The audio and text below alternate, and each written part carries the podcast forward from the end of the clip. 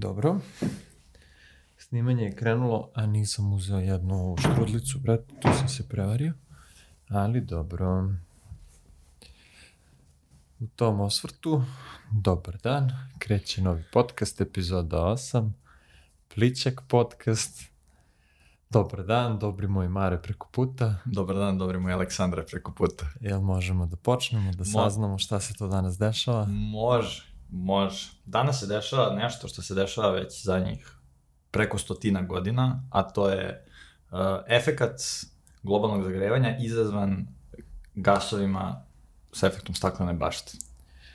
Ja, pa čime je izazvana ova naša u, tema danas? Pa ne znam, ja sam uvek bio u fazonu, brate, će, će da izginem u vodu.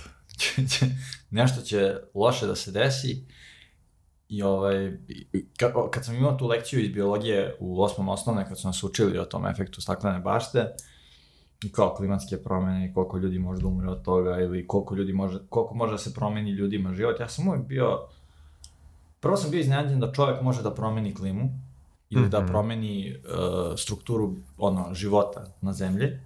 Mislim, on to i mimo toga što radi sa klimom, on menja ono, koje vrste izumiru, koje vrste nastavljaju da žive. Čovek je do sad direktnim svojim akcijama mnoge vrste učinio da nestanu.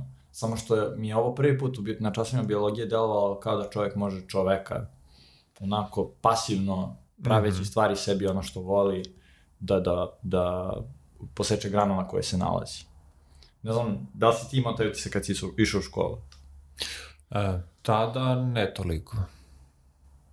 Bio sam samo u fazonu, ovo je možda nešto na šta bi trebalo onako motriti mm. u nekoj daljini. Mm. Mislim, jeste to, pod jedan, to je veliki i dugoročan problem, i treće, uzroci tog problema su toliko bazični i teški za promeniti da običan čovek kada razmišlja o tome ne može mnogo toga praktično da uredi. Mislim, običan svakodnevni čovek. Može da malo razmisli o tome i u najboljem slučaju da možda shvati uzroke i možda posledice mm -hmm. nekih svojih aktivnosti. Pa kakva je knjiga? E, knjiga, knjiga je, uh, ova je knjiga o klimatskim promenama koju je napisao uh, omiljeni čovek na planeti Bill Gates. posebno u Srbiji. Da, u Srbiji baš posebno voljen. Ove, ovaj, on, ja sam siguran da on ima veliku harizmu i veliko poverenje i poštovanje među čovečanstvom. Kako da ne? našim narodom. Ali, ja sam uzeo i pročitao tu knjigu, jer ja, ja sam bio fazonu, on je predvideo da će bude ovaj karambol sa ovim virusom, ovaj lik nije toliko glup, ja, ja sam neki sajt koristio koji je preporučio za učenje Khan Academy, lik je napravio Microsoft, verovatno nije glup, verovatno nije baš toliko loš u predviđanjima, sad možda je kvaran, možda je govno, ja to Tako ne mogu je. da znam, ali ne verujem, ne verujem da je to što je napisano apsolutno netačno i da neke stvari ne možemo da se složimo. U najmanju ruku dostupne su mu neke informacije koje tako nama je. apsolutno nisu. Tako je, tako je. Da. On sigurno ima uvideo nešto, ako ništa ima i više vremena i, i, i resursa da dođe do nekih mm -hmm. informacija. Ja, svakako bi se složio, trebalo bi ga poslušati. Da. Mislim, kada neko čita neku knjigu, ja mislim da je zdrav pristup da, da svaku misao proveri i razmisli da li je tvrdnja tačna ili nije. Da ne, ne preuzme tvrdnje iz knjige i da poveruje u njih mm -hmm. tako lako. Mislim, to treba čovjek da radi i kroz razgovore, a ne samo i kroz čitanje knjiga. A nećemo ni a priori da ga odjebemo. Tako je. Jer je Zbog reputacije. Tako, tako. tako. To da. ima iz logike, kako se ono zove, ona, ona logical fallacy, homo... Ne znam. Ima ono kada odbacuješ nečiji argument samo zato što je uh, ad hominem, ad hominem atak, tako se valjda zove. Aha. Kada napadneš čoveka da je, to je recimo na Redditu ljudi rade. Kad neko postavi neko pitanje kao, brate, zašto ovo ti si pička jedna. Ili na dnevniku. Šta? Ili na dnevniku. Da, da. da. na strani plaćenik. Strani pa. Vaš argument nije validan jer radite za ciju. Tako da, Ja, ja sam stvarno pokušao da izvučem ovde neke stvari koje su zanimljive, neke stvari smatram da su tačne, neke stvari nisam siguran da su tačne, I, ali pre toga bih hteo da pročitam jedan uvod koji je ovako on napisao na početku knjige, a to je... Aha, to je uvod i u knjizi. Da, ovo je deo uvoda u knjizi. Okay. Gde kaže, ja sam svestan da nisam savršen glasnik o klimatskim promenama. Uh, svetu nije baš da manjka bogatih ljudi sa i velikim idejama o tome šta drugi ljudi treba da rade ili koji misle da tehnologija može da reši neki problem. Ja sam vlasnik velikih kuća, letim privatnim avionima, u stvari ja sam letao do Pariza na klimatsku konferenciju ovim avionom. Tako da, ko sam ja da bilo koga podučavam o klimatskim promenama? Ja priznajem da sam kriv po svakom pitanju. Ja ne mogu da kažem da nisam bogat čovjek koji ima svoje mišljenje. Ja, doduše, verujem da je to mišljenje informisano i da se uvek trudim da naučim više. To je njegov uvod. Mm -hmm. Tako da, u suštini on rekao, možda ja jesam neka sisa, ali, ali možda imam nešto Ali da kažem. nemate boljeg. Da, da. Malo nas jel smo govno. Mm, pa meni se dopada taj uvod. Mm. Mislim, vidjet ćemo šta ide dalje. Ali Ajde. Ja bi se Da. složio, mislim, posebno prvi deo u kome ide sa ovaj, sa time da pričaju drugima šta treba da rade. To mi je onako baš Govnarski. već nije govnarski, ali želim i pokušavam to prvo kod sebe da izbacim, a onda, Aha. a onda i gledam kod drugih ljudi koji se otprilike, bukvalno postoje ljudi kojima je to životna matrica koji po tom principu funkcionišu. Ti treba ovo, ti treba ono, ti treba ono i, je, i to ide u dva nivoa. Prvo, ja sam pametan, jer znam šta svi ostali treba da rade, a drugo je, ja nisam kriv.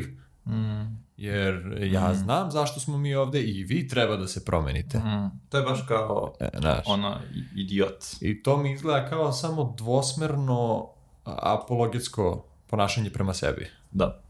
I onda u startu, trudim se da to kod sebe, Mm. pošto mislim da to svako ima u Da, manjoj da, ili da. većoj meri, Da, znaš. svako pravi tu grešku. Ja sam, sigurno, Sigurno, ja sam siguran sigurno. da sam ove nedelje napravio tu grešku ko zna koliko puta. I svaki put mislim da baš dosta štetim sebi tad. Jer ti u suštini kada tako razmišljaš, ti se ponašaš kao žrtva i neke svoje odluke uopšte ne pripisuješ sebi Mm. i, i gubiš moć da promeniš neku svoju sudbinu. Ne uzimaš, ne uzimaš svoju sudbinu kao svoju zaslugu i svoje okruženje i na, ono gde se nalaziš kao vlastitu odgovornost. Što ja mislim da je dosta važno. Ja mislim da to je jedna od osobina odrasle osobe. Mhm. Baš smatram da je to bitno za čoveka. Isto smatram za sebe da mi je to bitno. Dobro. Um, u suštini, ja, ja bih počeo da, gde on objašnjava, on uzima i kaže toliko i toliko ugljen dioksida se emituje godišnje, valjda 51 milijarda tona ugljen dioksida. Sad, Mhm. kako čovjek da zamisli milijardu bilo čega? Ja ne bih mogao zamislim milijardu o, o, ovih štrudlica na stolu s makom, a ne milijardu tona ugljen dioksida. I ovaj, on kroz knjigu to rašlanjuje po nekim um, stavkama, tipa šta je, koje su industrije uzroci, uzroci toga Mhm. i tako dalje, a na početku pokušava da objasni vezu između emisija ugljen dioksida i uh, rasta temperature. I on, ja piše ovo, u preindustrijskim vremenima, pre recimo početka, sredine 18. veka, zemlja je imala taj uh, carbon cycle ili ugljeni ciklus, koji je bio u balansu. Biljke i druga živa bića su apsorbovale sam ugljen dioksid koji se emitovao.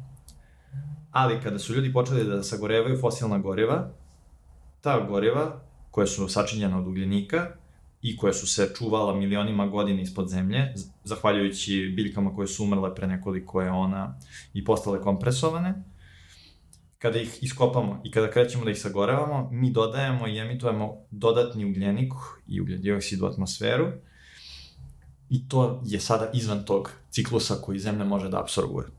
Sav taj, onda ima još jedna tvrdnja da kaže kada je, efekt, kada je gas sa efektom staklene bašte emitovan u atmosferu, on ostaje tu jako dugo. Uh, potrebno je da se spusti na jednu petinu od emitovane količine 10.000 godina Mhm. Da bi se ugljen dioksid onako isparavao. Znači, ono što mi sada u, ubrizgavamo u našu atmosferu ima sigurno limit. A nama taj grafikon koji mi emitujemo ugljen dioksid izgleda kao eksponencijalna funkcija. Raste, raste, raste, raste, raste. I nešto će morati da pukne. Ili, ili ćemo mi oboriti to koliko emitujemo i, i, i akumuliramo u atmosferi, ili će neki sistem u, u, u, na planeti Zemlji da, da prestane da funkcioniše Mhm. klimatski, biološki i tako dalje. Verovatno će prvi korak biti i on kaže sa ovim nivom ugljen dioksida je pre ne znam nija koliko hiljada godina bilo i sa, to, sa tim rastom projektovanim temperature su plivali krokodili na severnom polu. I to je, ja bih to, ja bih ovo prvo naveo kao neku činjenicu. Dobro. To, oko te činjenice se većina ljudi slaže. Verujem da se i ti ja slažemo oko toga. A, Ili ne. a šta je tačno tu? Možeš da mi nekako sublimiraš tu tvrdnju? Malo mi je Da, pa predugački tvrdnja je da raste. Raste, prvo, znači ja, ja bih rekao da je tvrdnja zbog ljudskih aktivnosti.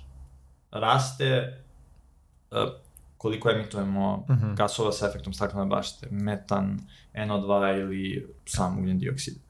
I zbog toga se zagreva planeta. Ali istovremeno taj ugljen dioksid ostaje tu Mhm, jako dugo. I sigurno ima, ima mhm. limit do kog mi možemo to da nastavimo da emitujemo. Koliko je to održivo. To je, to je, to Pa, je ukratko ja- moje. Ja nemam mišljenje na ovu temu. Ne, ne mogu da se složim. Ne mogu ni da se ne složim. To jest ne mogu da ovo poniram.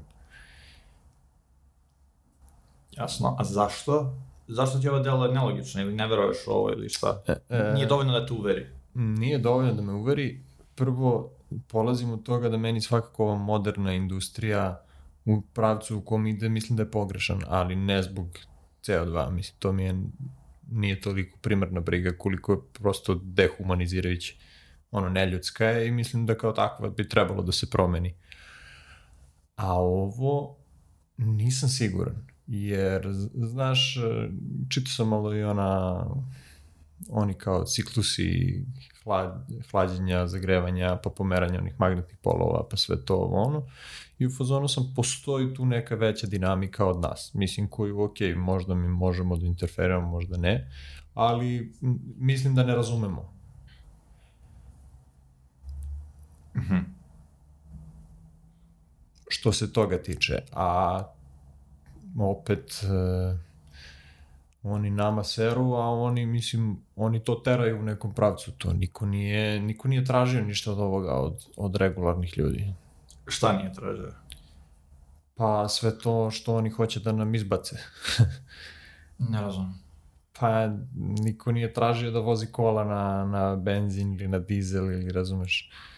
Ljudi pokušavaju da provale e, metan, ne znam, onaj tečni naftni gas, šta li je, hidrogen, vodu, vazduh, struju, šta god, a oni konstantno teraju svoju priču i onda na kraju kao svi ostali krivi jer su zatupljeni, a oni su kao, sad dolaze kao prosvetljivači Jasno.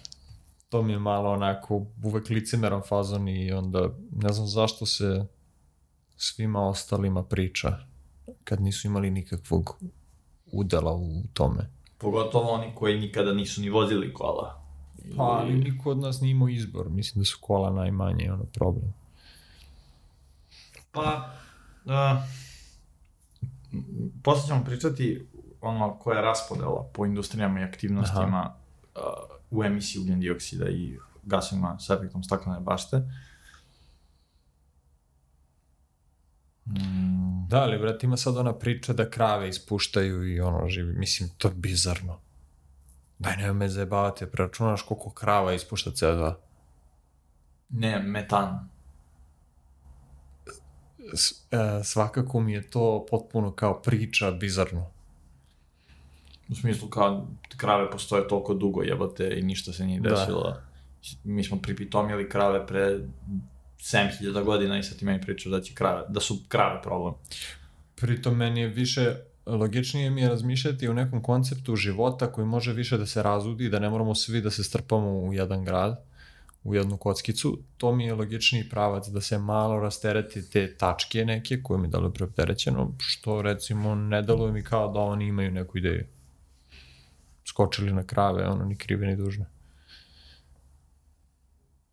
Ajde vidimo, a šta, pazi, šta, iz, šta iz toga izvlačiš iz toga što je on? Mislim, to što je, Što je bacio brojke, da.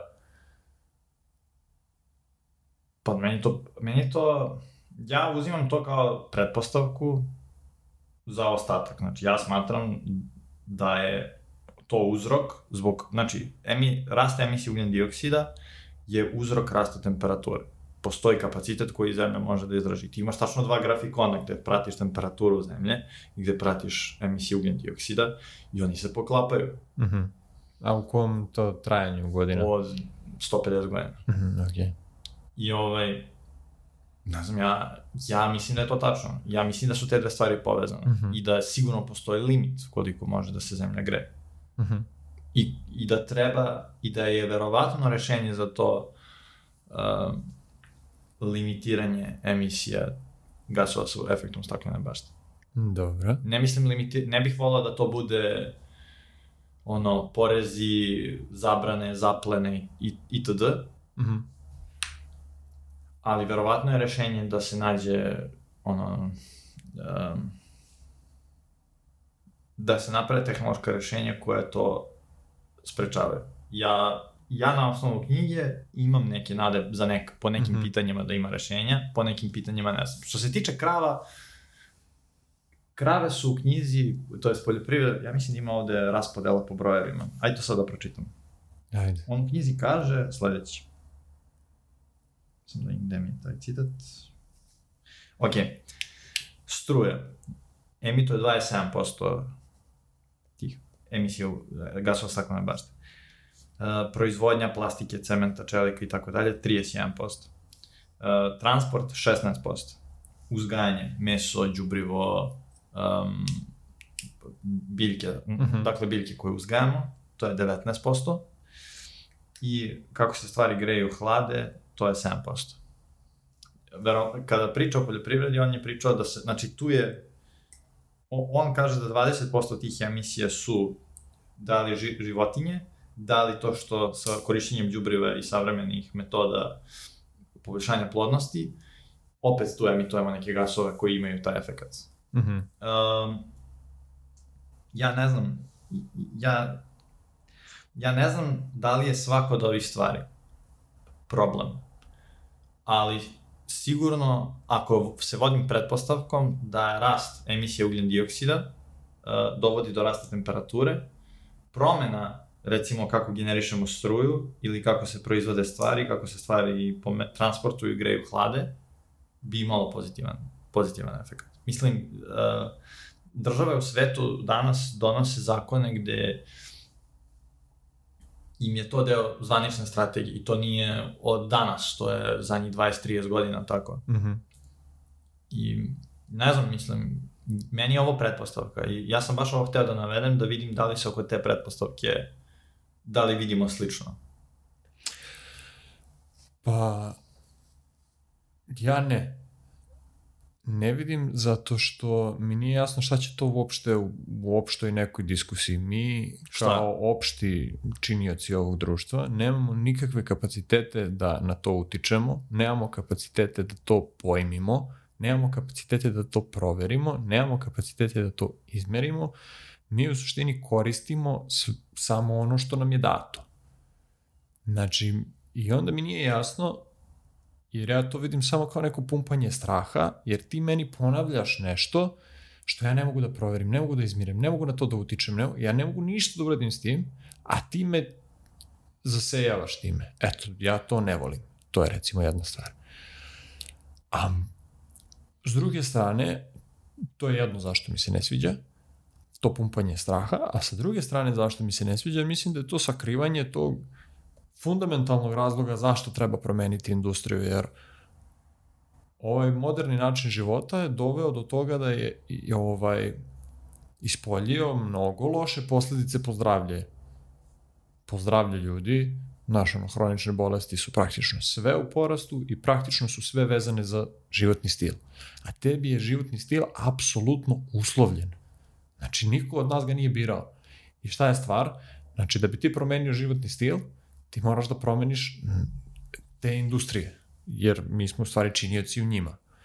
I onda je on rekao u fazonu, ne, ne, nismo vas mi zajebali jer smo vas preopteretili, odnosno tretirali smo vas ko roblje i onda jebi ga to je ono učio ciga konja da ne jede pa on umro, znači niste vi slučajno, to jest Znaš, niste vi došli tu zbog toga, nego sad neki CO2, neke pičke materine lete tu blokiraju, pa dolazi.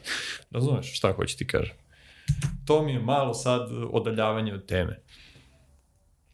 A ovaj, postoje, mislim, ja sam prvo mislio da ne postoji bolje od ovoga, znaš, to je bio moja ideja dok sam bio mlađi i bio sam u fazonu, ovo je najviše što je nauka dostigla i tehnologija i prosto mi živimo sa time što imamo i snalazimo se.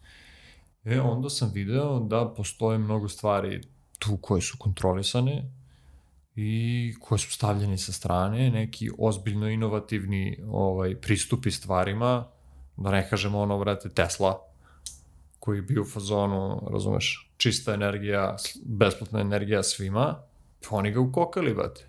Mislim, šta dalje da pričamo? Ti si pre 50 godina mogao da, pro, da rešiš problem koji nije ni postojao, pre 100, i to ti nije odgovaralo, nego si čekao 100 godina da napuniš, brate, svoje dupe onako Govnima.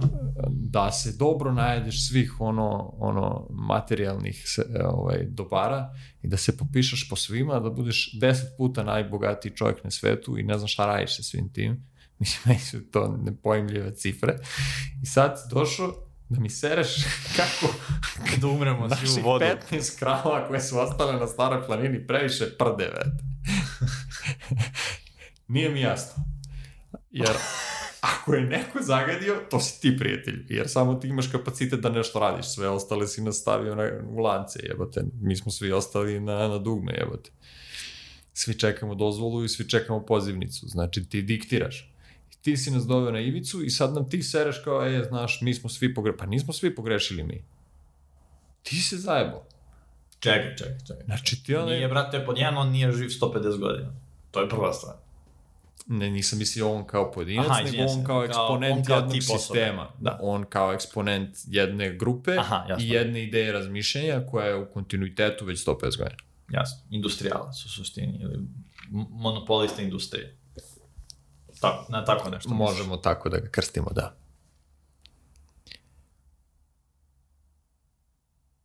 Ajde da postavimo krave po strani. Krave su stvarno, kra, prdeži krava, stvarno, ajde da stavimo to po strani. Okej. Znači, Prihvatam. ost, ostaju neke druge stvari koje možda možemo da dovedemo u pitanje. Ajde. Ko koliko vozi, ko koliko se greje, ko koliko... Ajde. To sve emituje jebeni ugljen dioksid, zar ne? Okej. E da, još jedna stvar. Ovo što si rekao oko besplatne energije i tako dalje. Mhm. Ja ne znam da li to može. Ne znači, ne znači da to naravno može da bude to da ja nisam Nikola Tesla, to naravno da je tačno, ne da nisam, nego nisam ni, ni, ni mili promil njegovog znanja i umeća.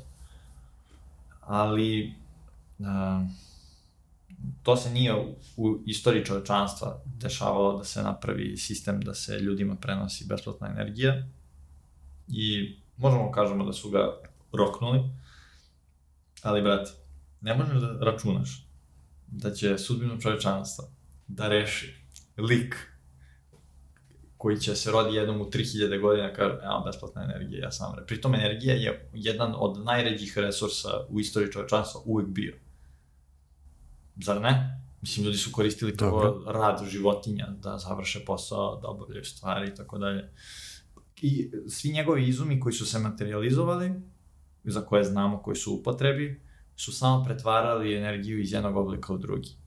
Uh, ja čisto sumnjam da je on mogao ajde, ajde, neću govorim šta je Tesla mogao, šta nije, ko sam ja to govorim, ali i ako pretpostavimo da postoji osoba koja može da reši taj energetski problem, zar bi se stvarno kladio samo na to? Da će se rodi neko i da će taj ja neko da... ne kažem da bi se kladio na to. Znači, kao Nego što je ko je- ovo nepojemljivo za mene, e, to što ti pričaš, ali u to veruješ, ja kapiram da je ovo što ja pričam isto nepojemljivo, ali ja u to verujem. Znači, to je potpuno ekvivalentno, slažem se, znači isto je. Nepojemljivo je jedno i drugo, ali ono što ti kažem je da, e, izvini, da svaki put kada je taj sistem, ta grupa imala priliku da uradi nešto dobro, Aha. oni su se potrudili da se poseru po tome. Jasno, da ga uspore, da ga... To, je- to, da je, nam sig- jebo to je sigurno majku svima. I sad kad je došlo da gori pod nogama, sad vuk vuk, to ti je ono. Sad ga šipu, brate, sad idemo svi niz brdo. Dobro, jasno. Ne, ne, to je potpuno ja, ja na mestu. Jer i ne može niko da očekuje da će ti... Ali me jako zanima šta je on sve imao još da kaže. Aj, idemo dalje.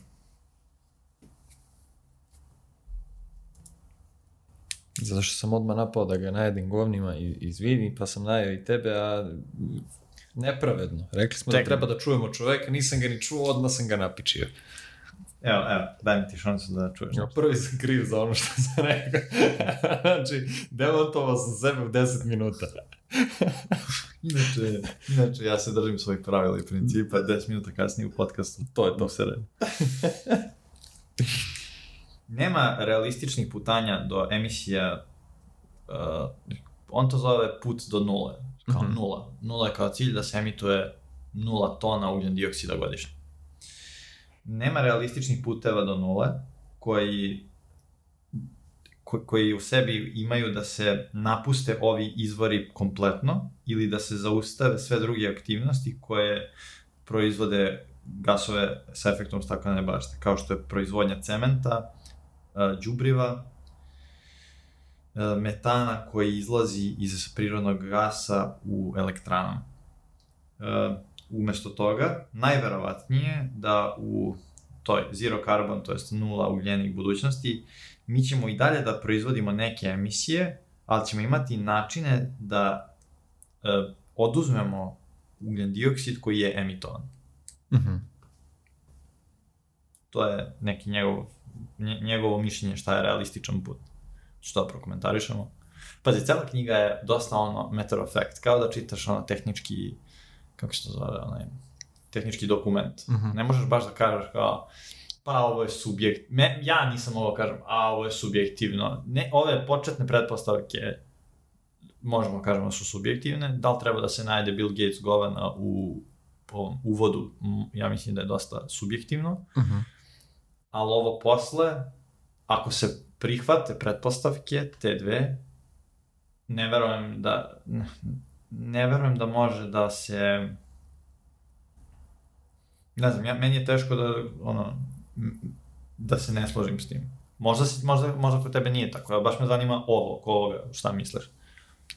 Pa, šta je sad rekao? Nije rekao ništa. Da će možda postojati tehnologija da izvučeš to nazad. Da.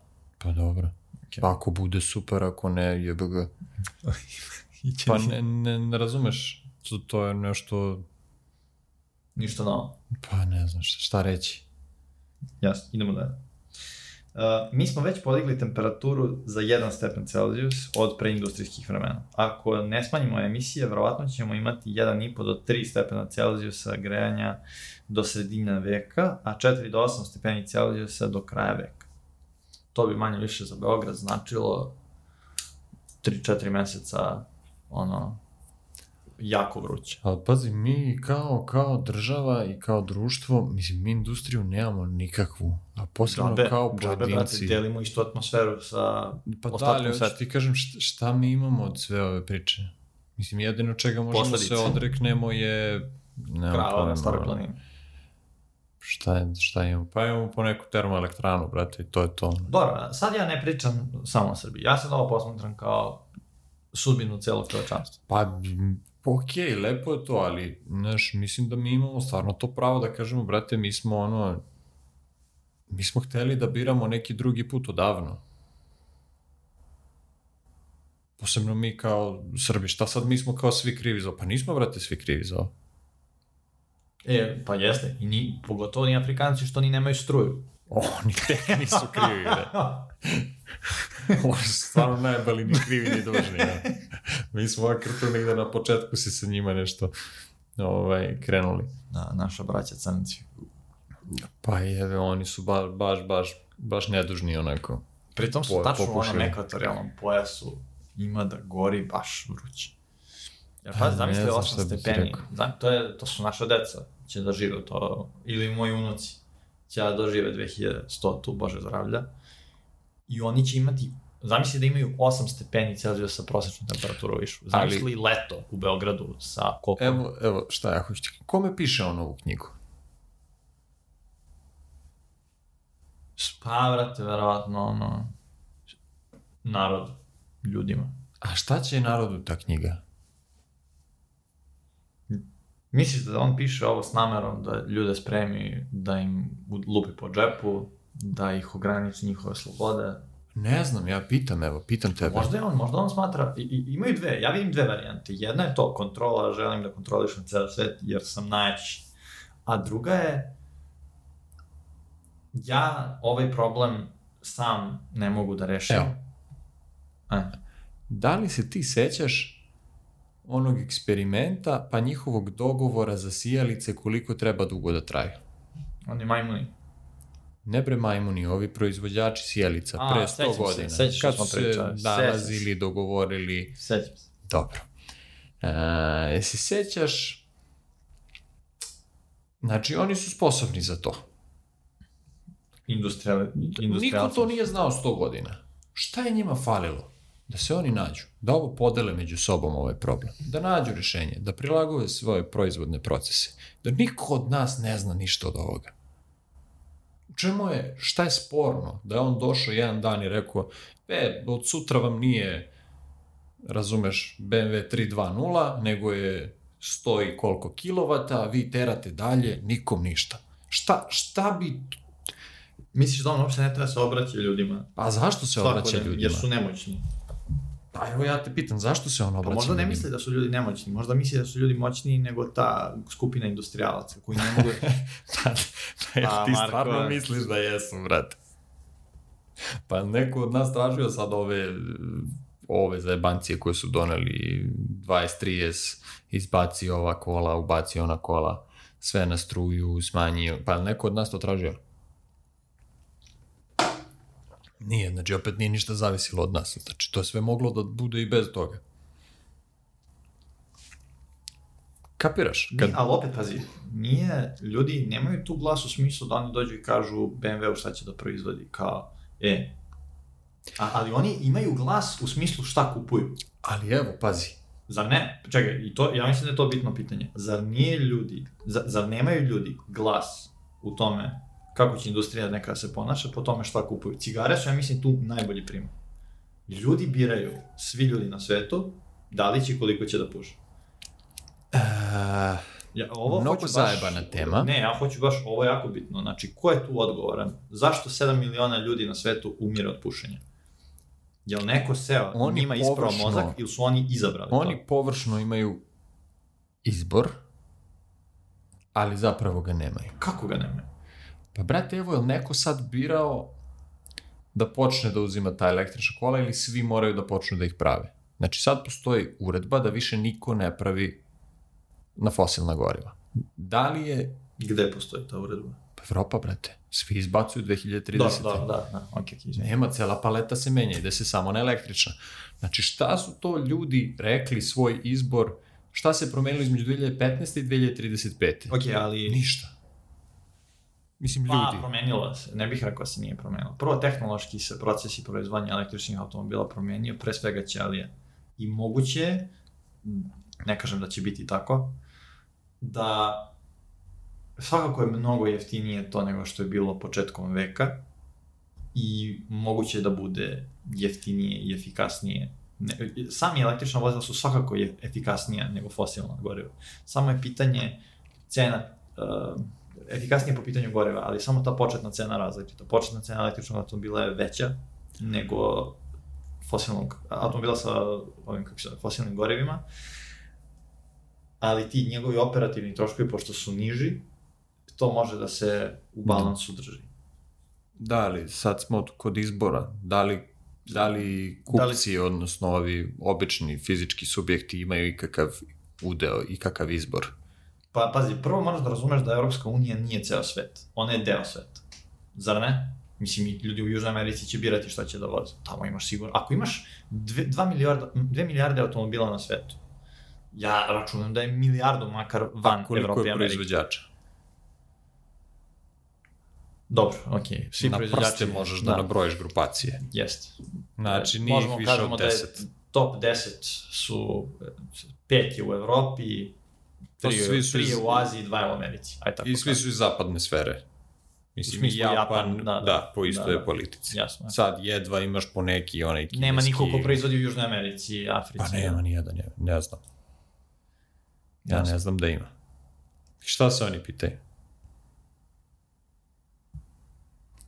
Ako oni izaberu da proizvode, oni će to da nametnu u nove flote. Pa evo, oni su pre nego što su nam išta rekli, mogli u svim maksijima i ovim zajebancijama trgovinskim da zamene ove plastične kese za one papirne ili šta god, da ih naprave na te biorazgradive, da samo jedan dan jave, e, ovo je, 30 dinara. ovo je, ovaj, ova je previše zagađuje, ova ti je bolja. I od danas će da stoje ove. Što, što, što ko bi rekao kao, ne, mi hoćemo baš plastičnu kesu, duvajte ga. A oni su nas morali da pet godina podjebavaju svaki dan. O, treba da ti treba da kupiš papirnu kesu pa da je nosiš sa sobom u džepu pa da je... Što nije, brate, samo Maxi zamenio ja i čao. Razumeš šta hoću ti kažem? Meni nije jasan taj trenutak. Što sad, što kome Što on knjiga? to govori? Pa kome knjiga, da. Možda stvarno, ja ti kažem, postoje samo dva, postoje dva načina se ovo protumači. Aha. Jedan način je zlonamerna priprema za šta će se desi. Drugo je, i po mom mišljenju, izvesnije, da on stvarno smatra da među ljudima postoji potencijal za budućnost Mhm. i promenu stvari. I da on to daje dalje, korak, korak dalje. Kao kada neko napiše knjigu i računa da će neko da upotrebi to kolektivno znanje u, u budućnosti. On ne mora ni da pretpostavi kako će neko njegovo znanje da upotrebi. Možda će da upotrebi. Ja, ja tako doživljam knjige uopšte. Mhm. Knjiga je alat gde ti pristupaš kolektivnom znanju čovečanstva da skratiš svoje greške. Ja ne vidim, i, i, i, i, pritom mi ni ne znamo, ti kada uzmeš i napišeš knjigu, kako ti možeš da znaš ko će da je koristi i zašto? A pa, opet kažem, knjiga može, postoje knjige koje su um, oružje. Recimo, kada oni u Vatikanu uzmu i falsifikuju istoriju nekih naroda, ne znamo sad koga, ali recimo da su to nekad radili, to je oružje, knjiga oružje i ona može da napravi baš damage. Emotional damage. Tako da možda i to. Ja, ne možemo, ja ne znam. Mhm, Ja, i- moja procena je nakon čitanja da nije oružje. mhm. Ali ja, ja sam moguće žrtva. Ja, aj da nisam svestan toga. Okej. Još uvek nisam uveren da jesam, ali je moguće. I prihvatam to kao mogućnost. Ja sada diskutujem, ako je jedno, ovo je ishod, ako je drugo, ovo je ishod. I to je to. Mhm. Ćemo sledeći citat. Hoćemo. A.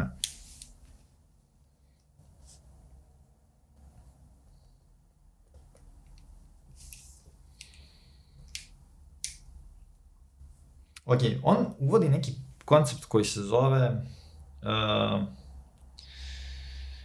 kao green, green premiums. Mhm. To je koliko uh, neke stvari će možda biti jeftinije da se proizvedu ili da se urade bez emisije ugljen dioksida, ali neke stvari neće biti jeftinije da se proizvedu Dobro. bez ugljen dioksida.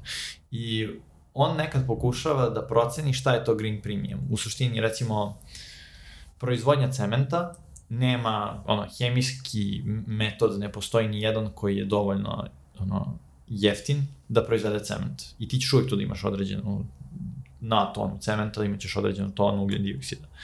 I on kaže, um, tu mora se obračuna koliko bi koštalo da se vrati to u zemlju ili da se upotrebi, da se taj ugljen dioksid ispumpa iz zemlje. Mhm. I on koristi direct air capture, to jest kao direktno hvatanje vazduha, pod pretpostavkom da je danas pet puta, da je u budućnosti pet puta jeftinije nego što je danas, kao to merilo koliko je skuplji treba da bude, koliko mora da se plati dodatno za proizvodnju cementa. Aha, a to, to je već moguće.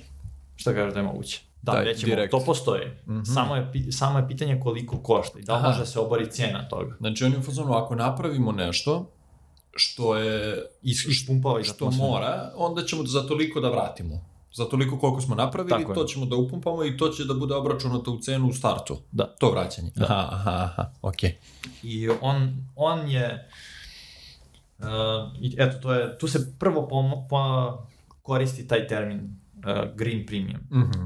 kao premium za to da bude green. Kapiram, kapiram. Ovo je vrlo važna poenta. Obaranje zelenog premiuma koje svet plaća nije, um, kako to rekao, donacija. Države kao što su Sjedinjene američke države ne treba da vide investiranje u istraživanje i razvoj kao uslugu ostatku sveta. One bi trebalo to da vide kao šansu da naprave naučni proboj koji će dati rođenje novim industrijama, napravljen u kojima će učestvovati velike firme koje će stvarati poslove i smanjiti emisije u isto vreme. On je hteo da kaže da ukoliko recimo Sjedinjene američke države investiraju u te tehnologije koje će da obore zeleni premium za neke tehnologije i rešenja, one će imati zalog za budućnost. I recimo, kada gledaš uh, one sastanke komunističke partije, oni isto imaju tvrdnju. Mhm. Oni is, jedna od njihovih tih strategija za 50 godina budućnosti jeste da oni to ne zovu zeleni premium, oni to zovu te zelene tehnologije, da njihove firme budu najbolje u tome i da Mhm. njihove firme i oni imaju ozbiljan i agresivan metod investiranja u to. Recimo, oni su najviše investirali u, u fabrike baterije na svetu, znači ono kapitalna ulaganja koje je kineska država ulagala u, u baterije i proizvodnju baterija, nijedna država na svetu Mhm. nije mogla da isprati. Uh, isto tako, pod rukovodstvom kineske komunističke partije, oni su odlučili da proizvode uh, one solarne ćelije i zadnjih pet ili šest godina, ako se ja dobro sećam, njihova proizvodnja so, instaliranog solarnog kapaciteta je veća nego recimo cela Evrope u godinu dana. Znači Mhm. sve što je Evropa instalirala po Stuttgartu, po Baden-Württembergu, po celoj Evropi je manje nego što oni instaliraju na godinu dana. Mhm. Zadnjih 3-4 godine, Mhm. što je neverovatno. A razlog, ja mislim i njihova dugoročna strategija je zato što oni hoće da naprave velike firme koje će da budu uh, uh, oni će da budu prosto pregalnici tog rešenja i pregalnici Mhm. kao što je danas Samsung, Samsung u budućnosti će se zvati, otkud znam, ZUG i on će da prodaje panele, baterije i tako dalje. Kapiram. Jel ti to ima logike? Pa ima logike, ali ne podržam. Šta ne podržavaš? A, oni hoće samo u toj krivini da oni budu sledeći novi... Ovaj, da, Kinezi, da. Vidiš, bilo ko, e, ko to uradi. taj deluje mi kao da smo već dostigli neki zadovoljavajući kvalitet života, Ko? kao civilizacijski, kao ljudi, evo iz mog ugla, da to nije tako strašno, da je podnošljivo živeti. Kad bi ostali na ovom nivou, to bi bio komforan život za jednog čoveka. I ne vidim razlog da oni tako srljaju, da tako paniče, da tako trče, mora biti da postoji nešto što ne znamo. Je li tako? Je li iz mog ugla zašto mi prosto ne bismo sedeli na već zadovoljavajućem nivou i kažemo mi sad tražimo novo, ali tražimo bolje, jer smo mi već u stadijumu da nam nije loše. I mi imamo taj luksus da ne moramo da se vatamo za bilo šta. Znači, mi već imamo dovoljno hrane, imamo antibiotike, imamo prevozna sredstva koja su dobra, imamo, imamo sve. Da živimo normalno. Sad, ono što uvedemo novo, hoćemo da bude ekstra. Znači, da bude čovečno, da bude još lakše od ovoga, da bude još bolje, razumeš? A ne oni dalje srljaju, trče, napinju, ko će prvi, pa drka i sad ovi rkaju te solarne, pa oni solarne, razumeš šta hoću ti kažem? Cijela ta histerija koja se vidi u njihovom tom načinu funkcionisanja prosto odražava nešto problematično. Što oni neće da kažu šta je. Pa, ja nisam... A ako mi kažeš da je to CO2, ja sumnjam. Jer oni imaju prekidač da sve to zaustave. Kako? Pa kao što su koronu napravili ili bilo šta, da je ceo svet morao da stane i niko nije smeo da izađe iz kuće. Čekaj, ti misliš da kad bi oni, jel ti znaš, ti, ti kažeš prekidač da se prestane proizvodnja ugljen dioksida. To bi značilo automatski da niko ne može da vozi kola. Da li ti misliš da bilo ko na ovom svetu može da zaustavi celo čovečanstvo da vozi kola? Uspešno. Bez da dobije po onoj stvari. Brate, sutra oni nama da kažu više ovde, vidi, termoelektrana Nikola Tesla ne radi, nema uglja ili što god. Šta ćemo ti ja da Ali na globalnom nivou, čoveče, ali ti stvarno misliš da mogu na globalnom, da bilo ko na Pa globalnom te nivou neko može? pitao 2018. Da li misliš da neko može da zaustavi ceo svet na globalnom nivou na godinu i po dana? Šta bi ti rekao? Ali, brate, Ja bih rekao nemoguće. Ali nikoga tad nije ni uspešno zaustavio. To je bilo kao... Kako nije? Pa je letao neki avion. ok, nije leteo avion, ali brate, ljudi su išli nekuda, mrdali se, mrđali se, nisu svim državama bili iste, iste kontrole, ista, kon, ista Brate, ograničenja. niko nije išao na posao dve godine. Kako gde? Zar Pa ne? gde jeste? Pa bar dve milijarde ljudi nije. Tačno. Što je ekstremno velika cifra iz Tačno. mog... Slažem se. Ok.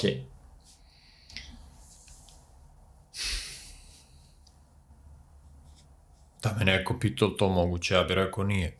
Pa viš da jeste. Znači to više da razmišljamo o nečemu da li nešto moguće nije relevantno, jer očigledno je da je nemoguće moguće. Ok, ali ja mislim da je to, da su to, ja, ja mislim, ne znači ja sam upravo, um, ja mislim da su to odvojena dva problema. Jedno je neverovatna kontrola za restrikcijama koje imaju države trenutno i koliko se dobro slažu u tome da ono, ispoljavaju restrikcije na ljudima. I to je ono što ti kažeš, mogu da nas isključe sve, mogu da nam isključe kola, da nas biju, da, nam, da, da nas prate. Ja bih to zvao moć za izvršavanje restrikcija. Uh -huh. Ali druga stvar je, i ja mislim da to problem, ali druga stvar su objektivni problemi um, i fizički, fizički zakoni koji vode neke procese koji nas um, ograničavaju. Ja mislim da to ograni, da je realno ograničenje koliko može da se emituje ugljen dioksida, ali da postoji rešenja za to tehnološka koje mogu da oslobode ljude. Pazi, realno ograničenja sigurno postoje. Samo mislim da naša sredstva kojima trenutno raspolažemo Su kao čovečansko tiranija. znanje, mislim da su vrlo mala, čak i da mi procenimo. Znači, ja kao nauka danas ne bi se usudio da kažem da je nešto tako i tako i tačka.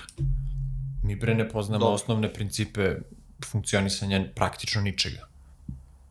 Pa kurčimo se tu, prebrojavamo ceo dan i predbrojavamo u milijardu godinu unazad i unapred, pa druže, aj, nemoj se zajebavamo. Svi mi znamo da to ne možeš da uradiš. Ako možeš, kaži nam kako Šta? Šta i ne uradi nešto bolje. Pa ne možeš da napraviš takav uh, screening, takvu analitiku, da bude precizna. Praktično za sve što smo rekli da je apsolutno, nije bilo apsolutno. Vezano sa koronom, misliš? Ma ne, mislim sa Bilo tehnologijama. Da. Sa poimanjem zakona fizike, pošto ti kažeš prirodni zakoni Da. i fizički zakoni, po onome što mi sada znamo, mi mislimo da to nije mogu. Pa ja mislim da do, ne znamo dovoljno da bi se mi usudili da takvim nekim Okej, stvarima okej. sudimo. Ok, ali možeš da kažeš da postoje objektivna merila koliko brzo možeš da proizvedeš nešto, koliko te to nešto da proizvedeš košta, koliko ima uticaj na tvoj standard života. Ne možeš da kažeš da u 17. i 15. veku proizvodnja vune ili uh, garderobe sa poznavanjem nekih ono fizičkih principa nije postala bolja. Ne možeš da kažeš da bez vozova si mogao da prenosiš robu i usluge više ili manje. Znači, to su neki objektivni rezultati. Ja mislim na to. Znači, ako Mhm. ti imaš neku tehnologiju koja rešava problem na određenom nivou kvaliteta, ja smatram to progresom i razumevanjem fizičkih zakona. I to je dobro. To je dobra osobina čovečarstva. Baš smo pričali prošli put u podcastu gde si rekao postoje neka objektivna merila, akvadukt, ovo ono. Ja bih rekao da sve što je u skladu sa, ja bih to zvao tehnika, nauka, Mhm. progres, u suštini Mhm. progres. A i to je dobro, dobrobit čovečanstva, ali sa druge strane imaš i to restriktivnu, tiranijsku pristup vladanju sveta. I to isto imaš celu istoriju čovečanstva. Naleti Mhm. bilo kakav problem i uvek rukovodioci bilo kog društva imaju izbor. Da li da rešimo i adresiramo problem na izvoru i da pokušamo da napravimo bolje tehničko rešenje ili da im se najebemo svima majke pa da kao, pokušamo da ih pojedemo da ne bi bilo problema Tačno. to je izbor.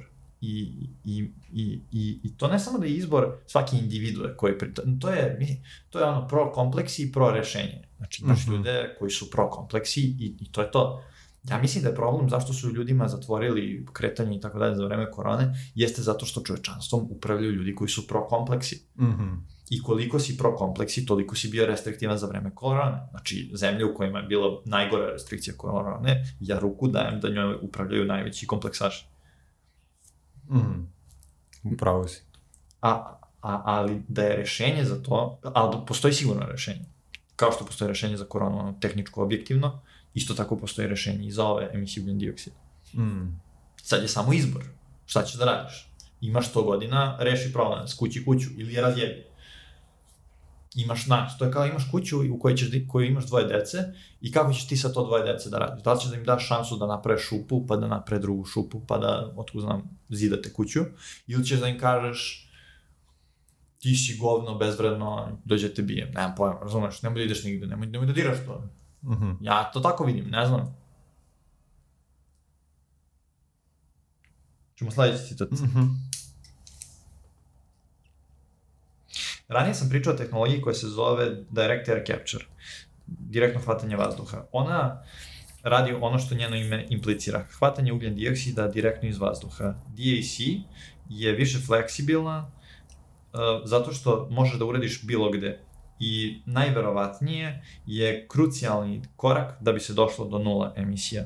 Jedna studija Nacionalne akademije nauka u Americi je našla da bi se odstranjivanje 10 milijardi tona ugljen dioksida godišnje do sredine veka moglo uraditi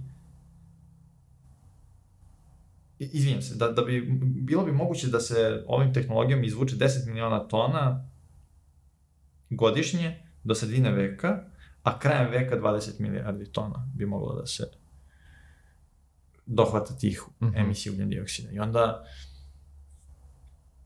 Mislim, to je ta tehnologija u kojoj on pričao. Ajde dalje nešto da kažem još.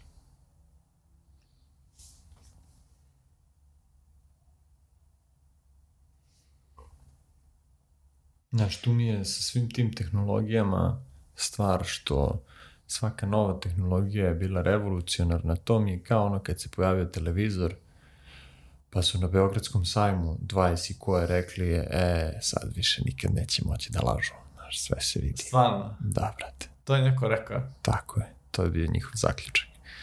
I, Uje. i to ono što ti ja kažem, ti misliš da će srljanje u novi tehnološki, kao samo nam fali ta jedna nova tehnologija i sve ćemo da rešimo, a mislim da su ljudi... Problem. Da.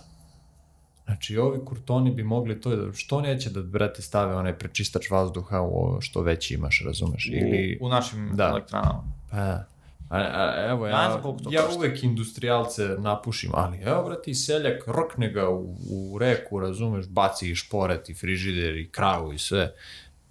Jasno. Mislim, ne treba neka velika pamet prijatelju da skapiraš da u konačnici to ne može da bude. Ovo nije, ja lično mislim da ovo nije samo tehnološki problem. Tako ovo je da... stvarno ljudski, istovremeno ljudski problem.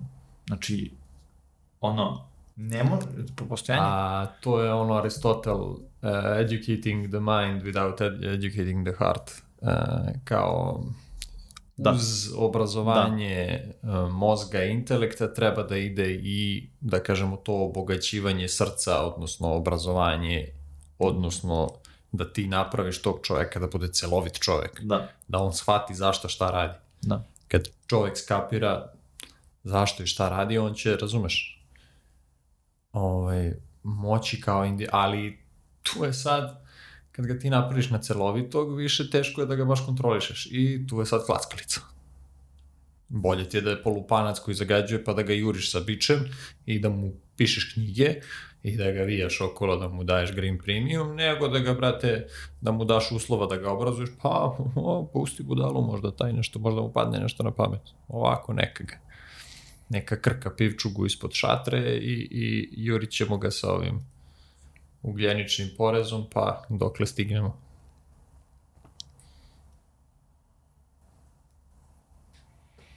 Da, jasno.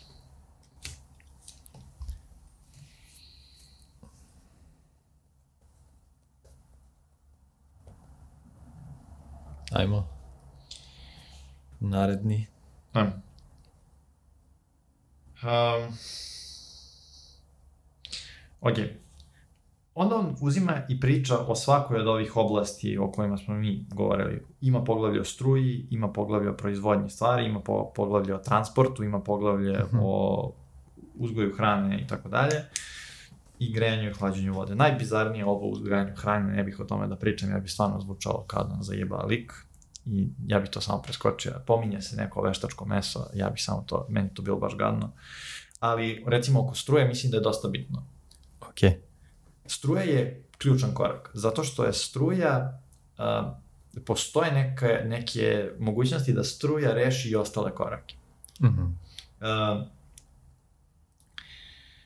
on samo govori da previše vremena treba ljudima i čovečanstvu da pređe na novi izvor energije, da tipa uh, trebalo je, ne znam, da se pređe na ugalj kao u transportu i tako da, taj prelaz između toga kako se proizvodi energija, iz kog izvora se pre, konvertuje u neku, neki koristan rad, treba, ne znam, 100 godina je trebalo za ugalj, pa za naftu je trebalo, ne znam, malo manje, pa za prirodni gas je trebalo još malo manje itd. itd. da je vreme od kad se proizvede kao tehnološko rešenje koje je efikasno i dokazano, dok ne postane uh, široko primenljivo, dugo, pogotovo za energiju. Mm -hmm. I energija ima još jedan problem koji recimo čipovi nemaju, a to je da e, ti kad proizvodiš električnu energiju kao proizvođač, ti imaš neke troškove koji ne, ne, ne padaju za 20 godina milion puta, kao što je sa čipovima. Ne postoji da, taj kapiram. Murov zakon koji napređ, napređuje ni solarne ćelije, ni vetrenjače, ništa. Postoje fiksni troškovi i to je to. Mm -hmm. uh, glavna stvar koju bih ja rekao oko energije, da sam ja izvukao kao neki zaključak, jeste da um, postoji postoje neka rešenja, a to su solarna energija, vetar ili nuklearna energija. Solarna i vetar su dovoljno jeftina i sada su jeftinija nego i ugalj i nafta. I to tek kreće od 2019. godine, otprilike da bude, ta, da bude slučaj. Um, da su, da izgradnja po megavat času i ulaganja koje ćeš imati tokom održavanja te elektrane su manja nego za sad da otvoriš coal plant mm -hmm. ili da otvoriš neki drugi. Samo problem sa tim izvorom energije jeste taj što je kada ne, ne, ne duva vetar ili kada nema sunca, to je recimo zima, ti ne možeš da se napajaš. Ne, ne, i, jako je nestabilan. Znači, ne znaš kada ćeš imati i kada nećeš imati taj izvor energije. I onda ti imaš izbor ili da pokrivaš velike površine panelima i da se opet uzdaš da, da će da ti služi, ali opet ne možeš da rešiš onda noć. Jer baterije su trenutno previše skupe. Baterije su previše skupe da bi ti progurao jedan dan ali ajde, i da možeš jedan dan, ili dva ili tri dana. Kako da sačuvaš energiju za recimo drugi deo godine? To je praktično nemoguće. I on je tu opisivao recimo za Tokio, kada bi Tokio hteo da sačuva energiju koju proizvede na leto za zimu, trebalo bi mu po trenutnim cenama baterija nemoguća količina novca da uloži, pritom te baterije kratko traje, traje ne znam nija koliko ciklusa i ne može više da ih upotrebda. Mm -hmm. I pošto ne može da se čuva energija, to je nepouzdan izvor energije. I to je suština problema za proizvodnju električne energije trenutno. Ne samo koliko košta da se proizvede, nego kako se čuva. E, si ispratio možda skoro da je bilo neki kao polu breakthrough za čuvanje tih solarnih za čuvanje energije od solarnih. Čuvanje energije, Aha. kako? Gde? U, u ćelijama nekim ili Aha. baterijama kao nekim? Mm -hmm. A kakav je breakthrough, šta? Pa onda... tipa par meseci. Što je ono to bi bilo, bilo nezamislivo. Ne, Sad, ne, ja ne. nisam tehnički toliko obrazovan da bi mogao to sve da ovaj, pojmim. Ali gledao sam i one neke, recimo, kao mehaničke baterije. Tipa ono, kad koristiš kada imaš struju, da podigneš teret, recimo, na neki... Ovaj, Neku visinu i da držiš potencijalnu energiju. Da, i da onda on, posle kad nemaš, da ga samo pustiš nazad, što će ponovo da proizvodi struju. Tako da, deluje mi kao da to može da se prevaziđe ili ne, a? Taj neki pa, tip pa, o tome je priča, o tome je priča. Zamisli ako imaš neki grad koji je na ravnom, i, i onda koliko visoko moraš da digneš vodu. Da li možeš za svaki grad da garantuješ da ćeš dići, dizati vodu u neke visine? Mi imamo neku elektro, mi imamo u Srbiji bajnu baštu ili nešto, uh mhm. -huh. gde, gde je to ta akumulacija vode na određenu visinu. Ali to nema šanse da snabdeva mesecima Srbiju. Znaš ti koliko ti vode moraš da zatrpaš po tim brd, ono, čukama da bi mogao to da uradiš nisam siguran da to može da ti reši problem, to, da ti bude dovoljno dobra baterija. Mislim da je tu problem i gustine i cene. Znači, kolika je te, recimo, za ceo Tokio, koliko ti moraš da digneš vode na određenu visinu. Pa, ali, pazi, to je zato što oni ne ulaze u projekat pre nego što su oni jedino rešenje. Ko?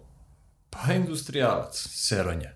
Znači, on neće da krene ako on nije siguran da će on da ubere pare od svih. Da. I on kaže, vidiš, ima, razumeš tu, kako ćemo to da rešimo u ravnici, a brate, što ti ne bi pustio, to jest dao taj predlog i onda pustio te ljude čiji je to problem da sami nađu rešenje. Ne. Znači, ja ću prvo svima da vam smislim rešenje, pa tek onda možemo da probamo da krenemo sa time. Jer onda ću ja sigurno da uzmem sve pare od svih. Nisam sad siguran, sad bi morao stvarno, sad bi morao stvarno da uzmem da napišem na papir koliko troši Japan, koliko troši recimo Tokio energije na dva meseca. I da onda uzmem i da vidim koliko litara vode treba koju visinu da pređe da bi mogao da ga napaja. Jer, razumeš, šta ako je to, moraš Ženevsko jezero da dižeš 300-400 metara gore dole. To je, brate, baš zajebano. Gde, E, gde ti je tolika površina, ali- gde ti je tolika planinčuga, gde ćeš to da držiš. E, Ne znam. razumem, ali postoje ti neki... To je...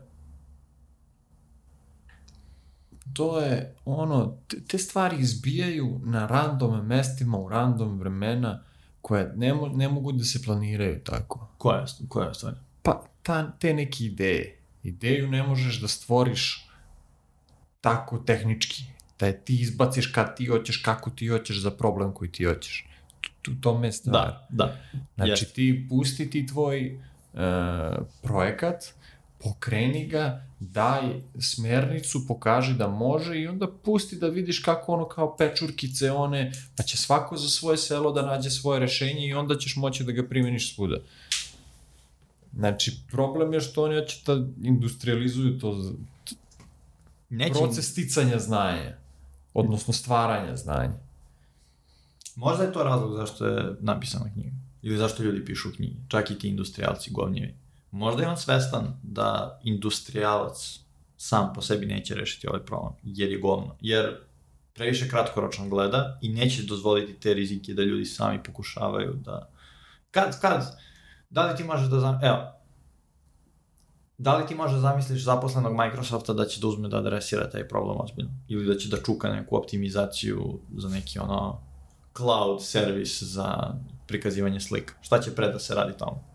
Ha, ono, čega pa je pare, već. Tako, nešto što na relativno kraćem ro- roku daje novac. Da. To je problem. I tako će svaki industrijalac u svojoj industriji da radi. Pa da, ali vidiš, oni imaju problem i recimo, šta je stvar? Možda bi svaka zgrada, odnosno svaka jedinica u kojoj se živi mogla da bude samo održiva gde ona sama sebi proizvodi i čuva energiju na nivou ispod nekog grada ili nečega. Ali oni to ne bi dozvolili Ne verujem. jer nemaš kontrolu. Ne verujem, mislim da to, da svaka zgrada čuva svoju energiju, krši neki zakon energije, po mom mišljenju, i trenutne tehnološke mogućnosti. Ne kažem da je nemoguće, ali baš sumnjam da će svaka zgrada da nađe rešenje koje će da reši tehnološke ograničenja i zakon održanja energije. Ali zato što svaka zgrada napravljena po istom principu koji je napravljen po principu industrije koja u tom trenutku pravi tipske proizvode da bi mogla da kešira. Pa ne znam, ne, ja da više mislim, ne znam, Da bi spustili troškove, da bi svako imao Ne, ne. sve što je Ne, video. ne, š, št, ja, ja kažem šta postoji trenutno. Jedino napravi svaka zgrada svoj nuklearni reaktor. Ne postoji drugi način da se zgrada napaja. Ozbiljan Pa. sam.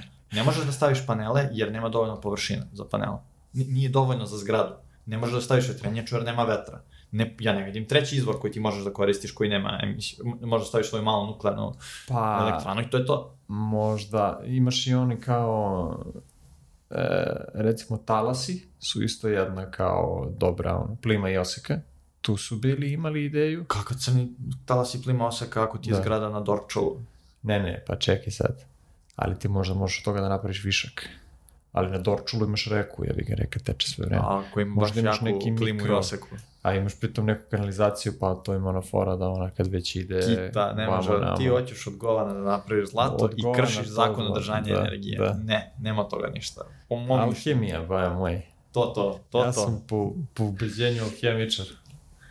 Upropastila te škola, ja da ti kažem. Da, ja, Rekao ova si mi u ateistička... 15 sekundi debilana, znači, rekao si mi u 15 sekundi, ne može, ne može, ne može, nemoguće, nemoguće, e, e, nemoguće. Čekaj, bre, Jeste, jeste, jeste, jeste, malo sam pička. Slažem se. Ne, ne, ja sam prošao kroz debilanu. debilana. Ja, ja je, Mark Pavlović ima dokument da je prošao kroz debilanu. Nezaravljen. Ja, ja to znam. A Tesla nema dokument da je prošao kroz Debilano i gde, je- gde je dogurao. Jel nije, pa išao je... Ne, Nije on je išao kroz Debilanu. Nije završio. Nije mu Debilana dala čitat. Aha, opa maca. Drop out, a? Pa Drop- isto ko ovaj tvoj gospodin Pa- pa što mu Bill Gates knjigu čitamo. I on nema čitap. nema ni on čitat. ne, dali su mu počasni čitat. A, Ali počasni. Tesli su dali počasnu kitu. Znači, dobio je... To je da Bilana je njemu izrazila zahvalnost. Zahvalno za donacije. I... Zato što je on učinio više za debiliranje nego debilana. U, u... Ajde, ajmo Sledeći ti pa. sledeći, da, od ovoga glavnog debilatora. Dobro. Hmm.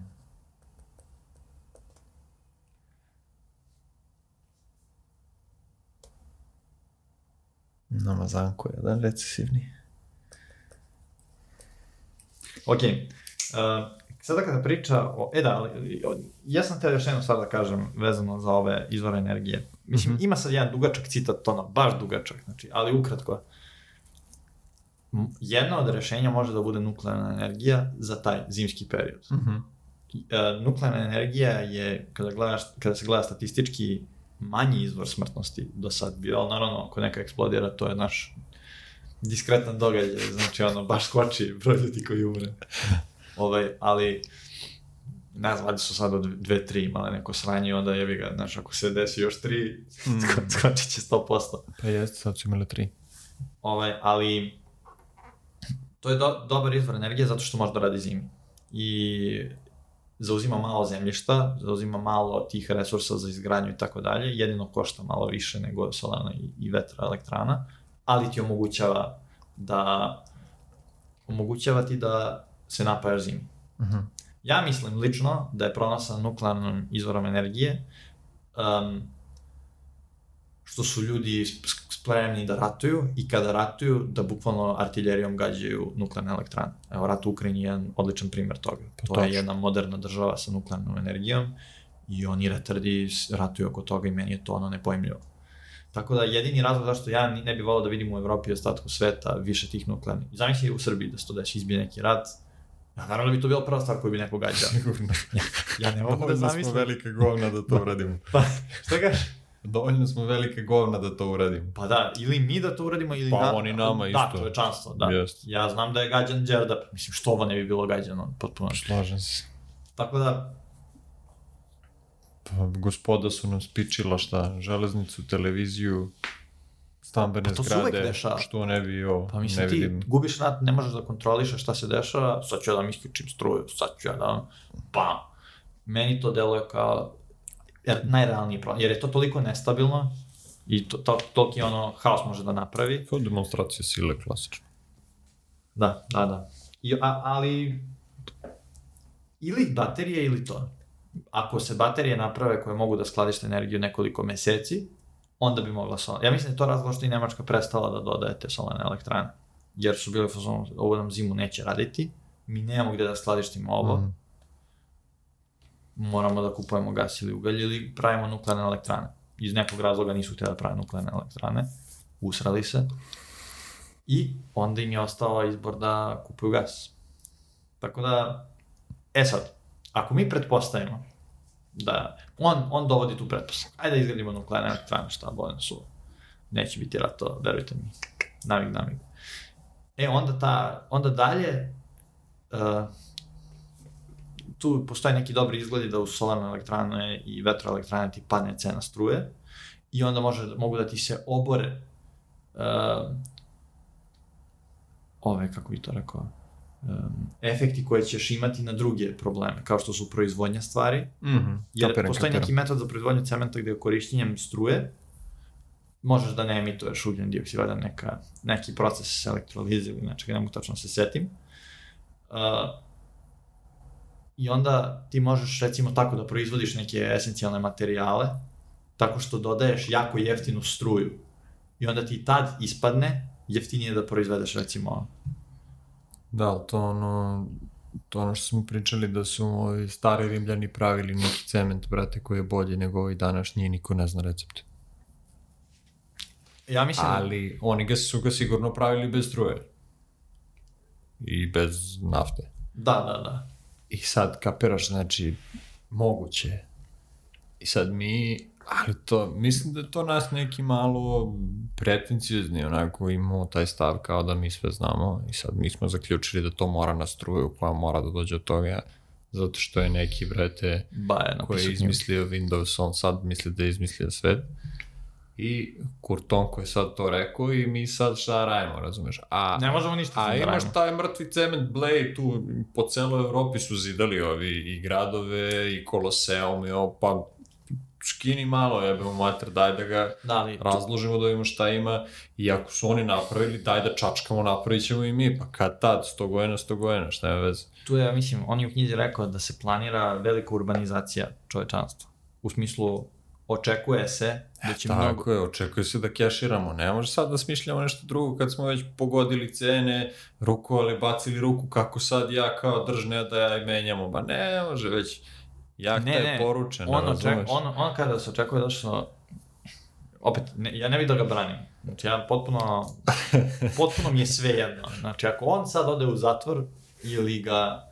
Ne, ako ode u zatvor, ja sam Da. human čovjek, meni će biti sve jedno. Ako je za pravedne razloge i tako dalje. Ali, meni ovo ima smisla da će, uh, kao što je broj ljudi koji živi u urbanim sredinama rastao u prošlom veku, tako i u narednom veku će da raste broj. Mhm. Moji babe i dede su se rodili na selima, ja sumnjam da će moji unuci da žive na selu. Osim ako se nešto značajno ne promeni. Mislim, ja ne kažem da je to loš život, životni stil. Ako ti imaš izbor, recimo, šta ćeš da radiš, i ako želiš da živiš na selu, ok, i ako možeš da živiš na selu. Imaš ljude koji ono odu i žive tako na nekim malo daljim mestima, manjim mestima. Opet je diskutabilno šta je selo. Može da bude manj, manji grad sam. Može da bude manja, manja sredina. Mhm. Nije svako mesto gdje ljudi žive Beograd, ali procena je da se kao da će biti izgradnje zgrada u narednih tipa 30 godina kao New York na svakih mesec dana. Ujeba. I to je to na- dodatno, znači za te nove ljude koji su se ili rodili Evo ili koji hoće da se treći urbanizuju. svet ili... Da, Mhm. Kina, Azija, Jugoistočna Azija, Indija, Afrika i tako dalje. Mhm. Većina će tamo da se urbanizacija dešava i emisija ugljen dioksida koji dolazi iz cementa, čelika i tako dalje. To je znači stvar.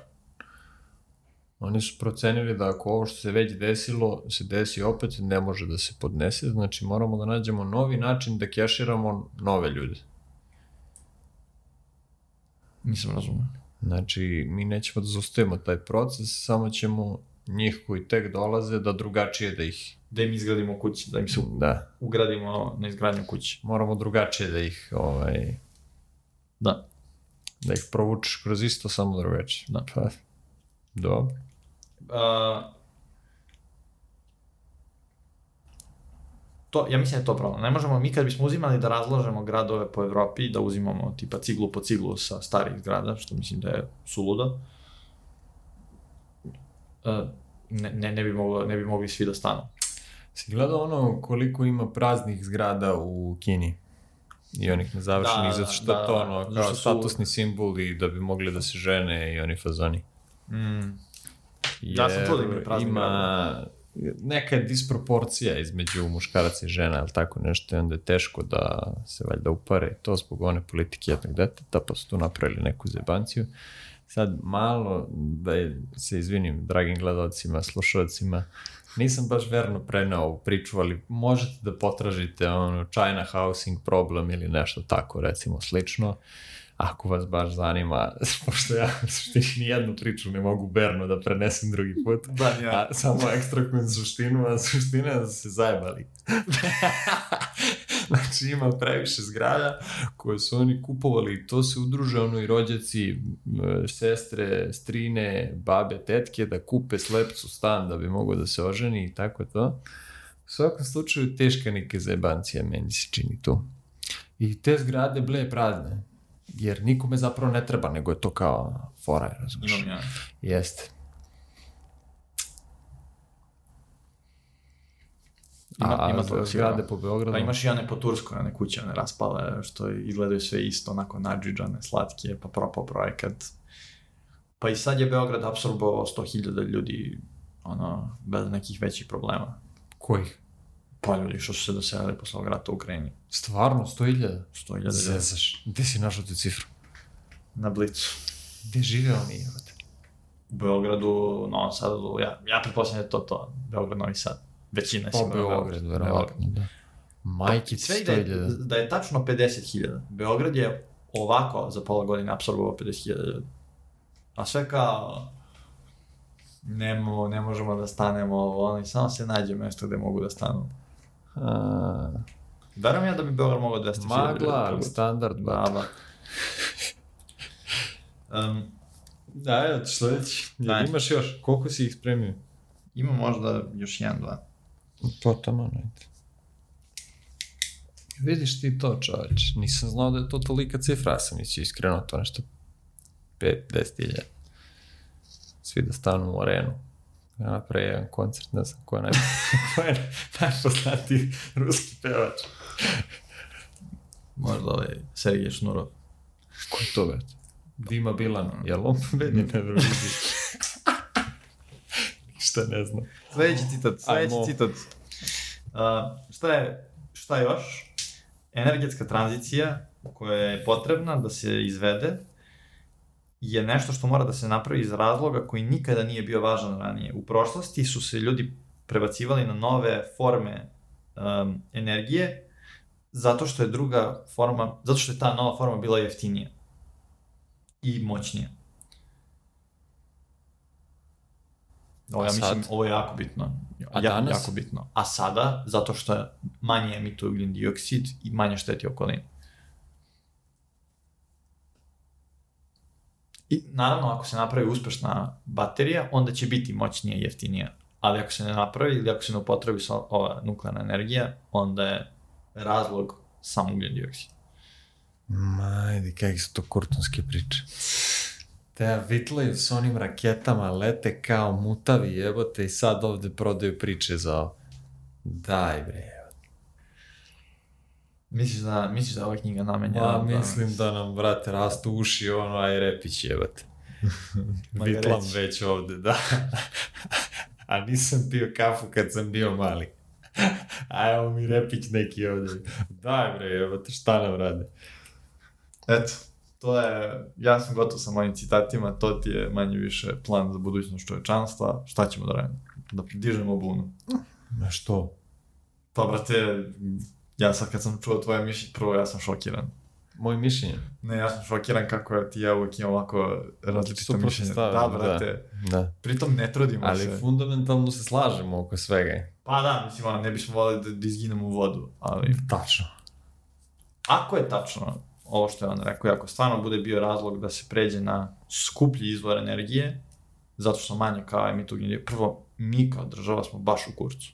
Jer mi ne možemo, mi ne znamo kako mi da proizvedemo bilo što imamo samo jebeni ugalj. Mi nemamo instalirane kapacitete solarnih vetroelektrana, a čak i da imamo, šta ćemo radimo zimi? Bez, bez dobrih baterija to je nemoguće, kako veraš? A ako budemo pravili nuklearnu elektranu, to je kao da praviš metu na čelu, znaš, ono, to je naš narod, to je naš grad koji je nama poznat. Zamisli ostatak sveta.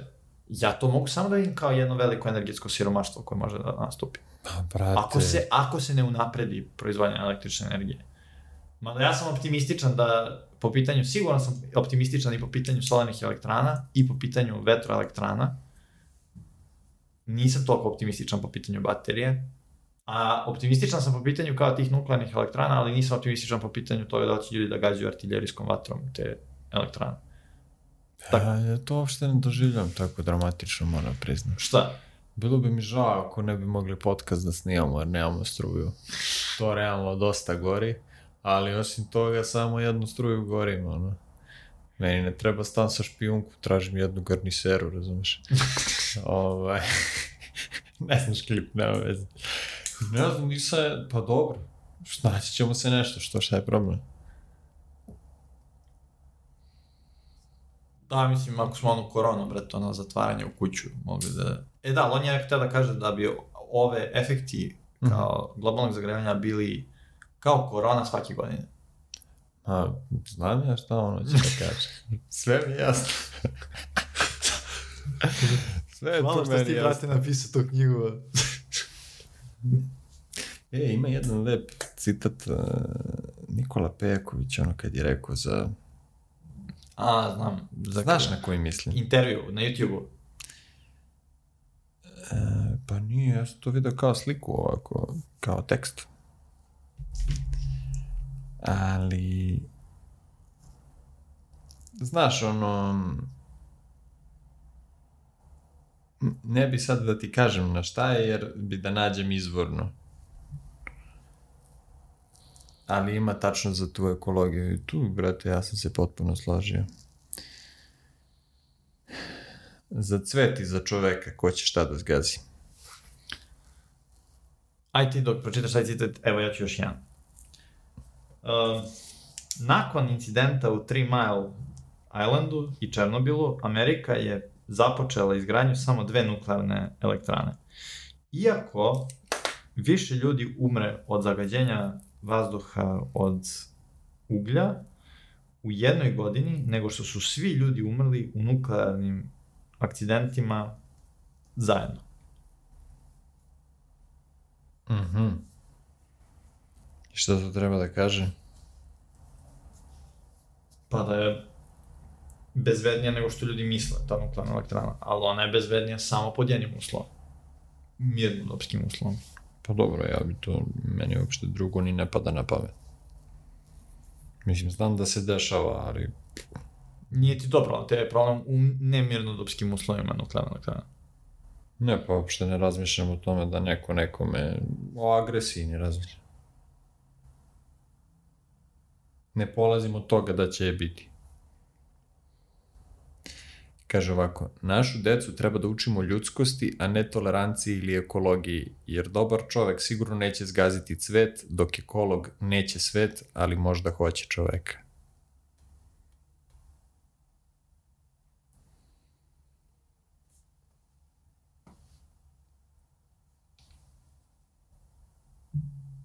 Šta misliš ti o to? Pa, ne znam, ja nekako mogu da zamislim neki imaginarni grad u kom svi neće nikome ništa loše da urade i nažao da urade. Ali niko, svi su dobri ljudi. U smislu, ja nikome neću ništa da ukradem, nikome neću da izvršim neko nasilje. Ali, ovo je jako bitno, koriste istu tehnologiju. Konstantno, ne menja se. I samo pumpaju gas, pumpaju gas, pumpaju gas i jednom samo izgore.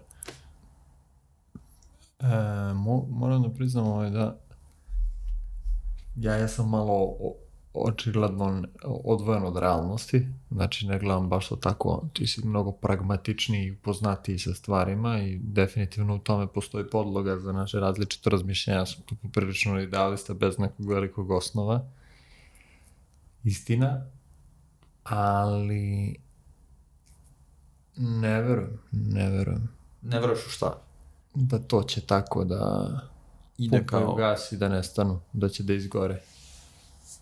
Zato što mnogo ovoga što se danas dešava je zato što neki ljudi koji vide direktne posledice mnogih stvari to prenebregavaju i prave se da ne vide da bi krcali profit. Nije sve u prljavim tehnologijama koliko je u poprilično Zlim namerom. Da.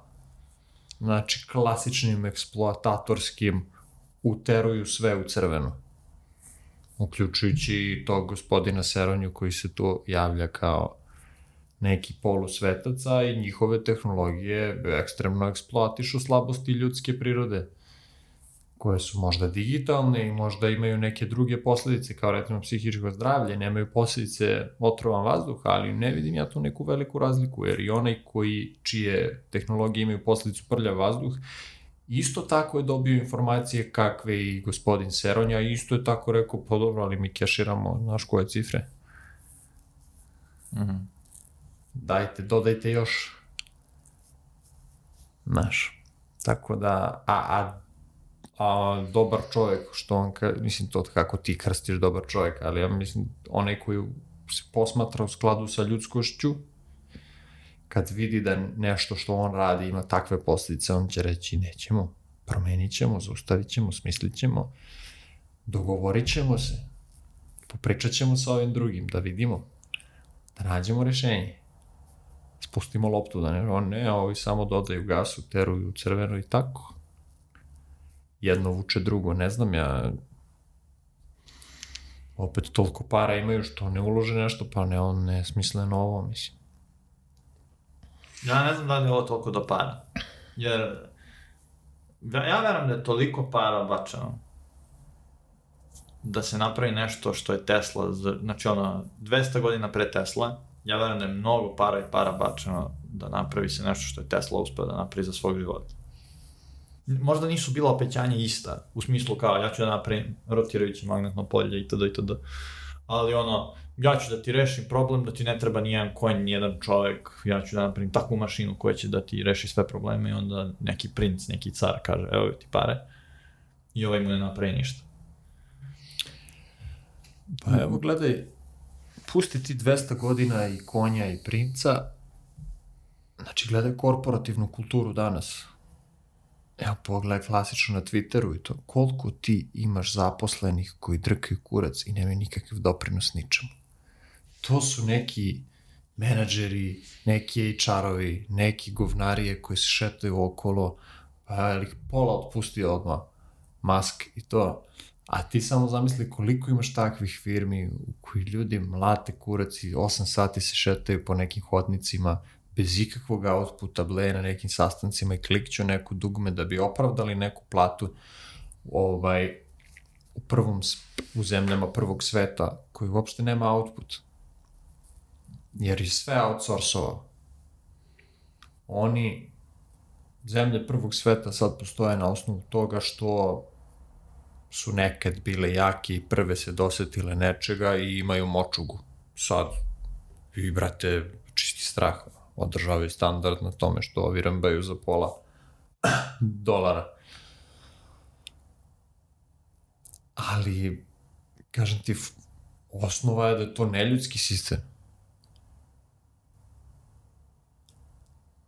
S tim što oni, njih to ne pogađa. Koga njih? Pa on, njih koji uživaju plodove tog sveta. Ja ne znam ne, da li bi ja bio isti da sam u njihovoj koži, verovatno. Verovatno, to je slabost ljudske prirode, ali to ne bi promenilo realnost da je ona takva kakva jeste. Da. E sad, mi smo tu negde ni tamo ni tamo, što kaže mi Mercedes, meša se prvi sa trećim svetom. I to je negde, to je tačno. Valjda mi onda možemo da vidimo obe strane ili ne znam. Pa, Znaš. kad si negde između, lakše ti je da razumeš obe strane. Samo ako se provozaš od malog mokrog luga do Novog Beograda. Ali mislim da istina oslobađa. Ne. I istina prema sebi. I da oni kad bi pošteno rekli sebi da je njihov sistem Godno. zasnovan na lažima i na strahu, odnosno na pretnjama, da imaju nerealan životni standard koji ne potiče od realnih znanja ili veština u odnosu na druge, nego čisto mislim da bi sami došli do toga šta treba da urade i kako treba da ga preurede. Ne mogu ja da mu kažem, ali mislim da to što je napravio mašinu da pumpa vazduh, da ga srče, da ga trpa negde drugo, da ga ne bi toliko spasilo i ta knjiga koliko kad bi se pogledalo ogledalo i pošteno sebi rekao. Mm, Ali mislim da taj, taj trenutak neće doći. da, nije. Da će oni pre da se gore nego što će da, pri, da, Priznaju. da se znaš, ili, ili sagoriš neke delove sebe unutar sebe i izađeš kao ili toliko uteraš sebe ponašanjem u gluposti da sagoriš od spolja. Znači, ako ne želiš da te delove sebe koji su ono crni, da ih sam sagoriš, nego voliš da neguješ svoje slabosti i voliš da neguješ tu neku malu zloću koja deluje sitno, e, onda toliko napraviš oko sebe pakla da na kraju u njemu sam sam te pojede. Slažem se.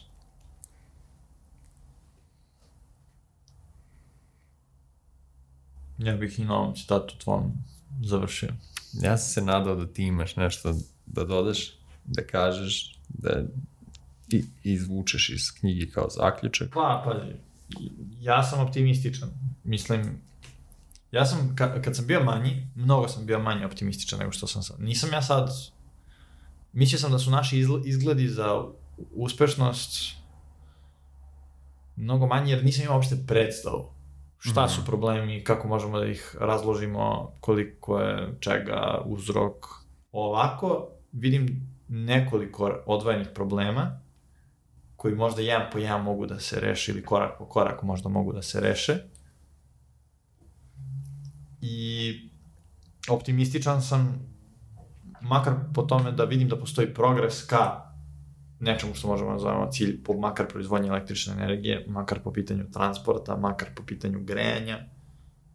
Ne znam, ne znam sad svaki korak kako može da se reši da znam ne bi se da ovde, nego bi, ko zna gde, sedao bi sad s Bill Gatesom, ja bi njemu podcast objašnjavao. A on bi klimao glavom, oni njegovi finansi, ona, finansijski moljci bi samo zapisivali gde ide keš. Za stolom Bill da, Gates, ja da. i Sultan od Bruneja. Među nama trojicom, ja sam najveća dileja. Znate, ja bih rekao, ja sam optimističniji nego što sam bio pre, ali nije to baš neki veliki optimizam. Ali je veći. I baš zbog toga sam i uzao, zato što sam hteo, makar neku, nešto novo da vidim, mm. da, da, makar jedan korak bliži da budem tome. Jer ja to vidim kao jedan veliki izazov čovečanstva. Kao što je so, proboj Solonskog fronta bio izazov mog naroda, nekog kolektiva kom smatram da pripadam, isto smatram da pripadam i čovečanstvu. Mm. I mhm. voleo bih da znam šta je njen izazov i otprilike kuda ide i, i, i šta bi moglo, moglo da budu rešenje. Odličan, odličan izbor knjige. Svakako i bitna tema i zanimljiva tema i onako malo hazy, malo maglovita trenutno. A ovaj, tu se slažemo. Mislim da se tu jedino slavo optimistični smo obojica. Sve ostalo... da, to je vratno do mladosti. Ne može da te sa 20 nešto godina budeš pesimističan.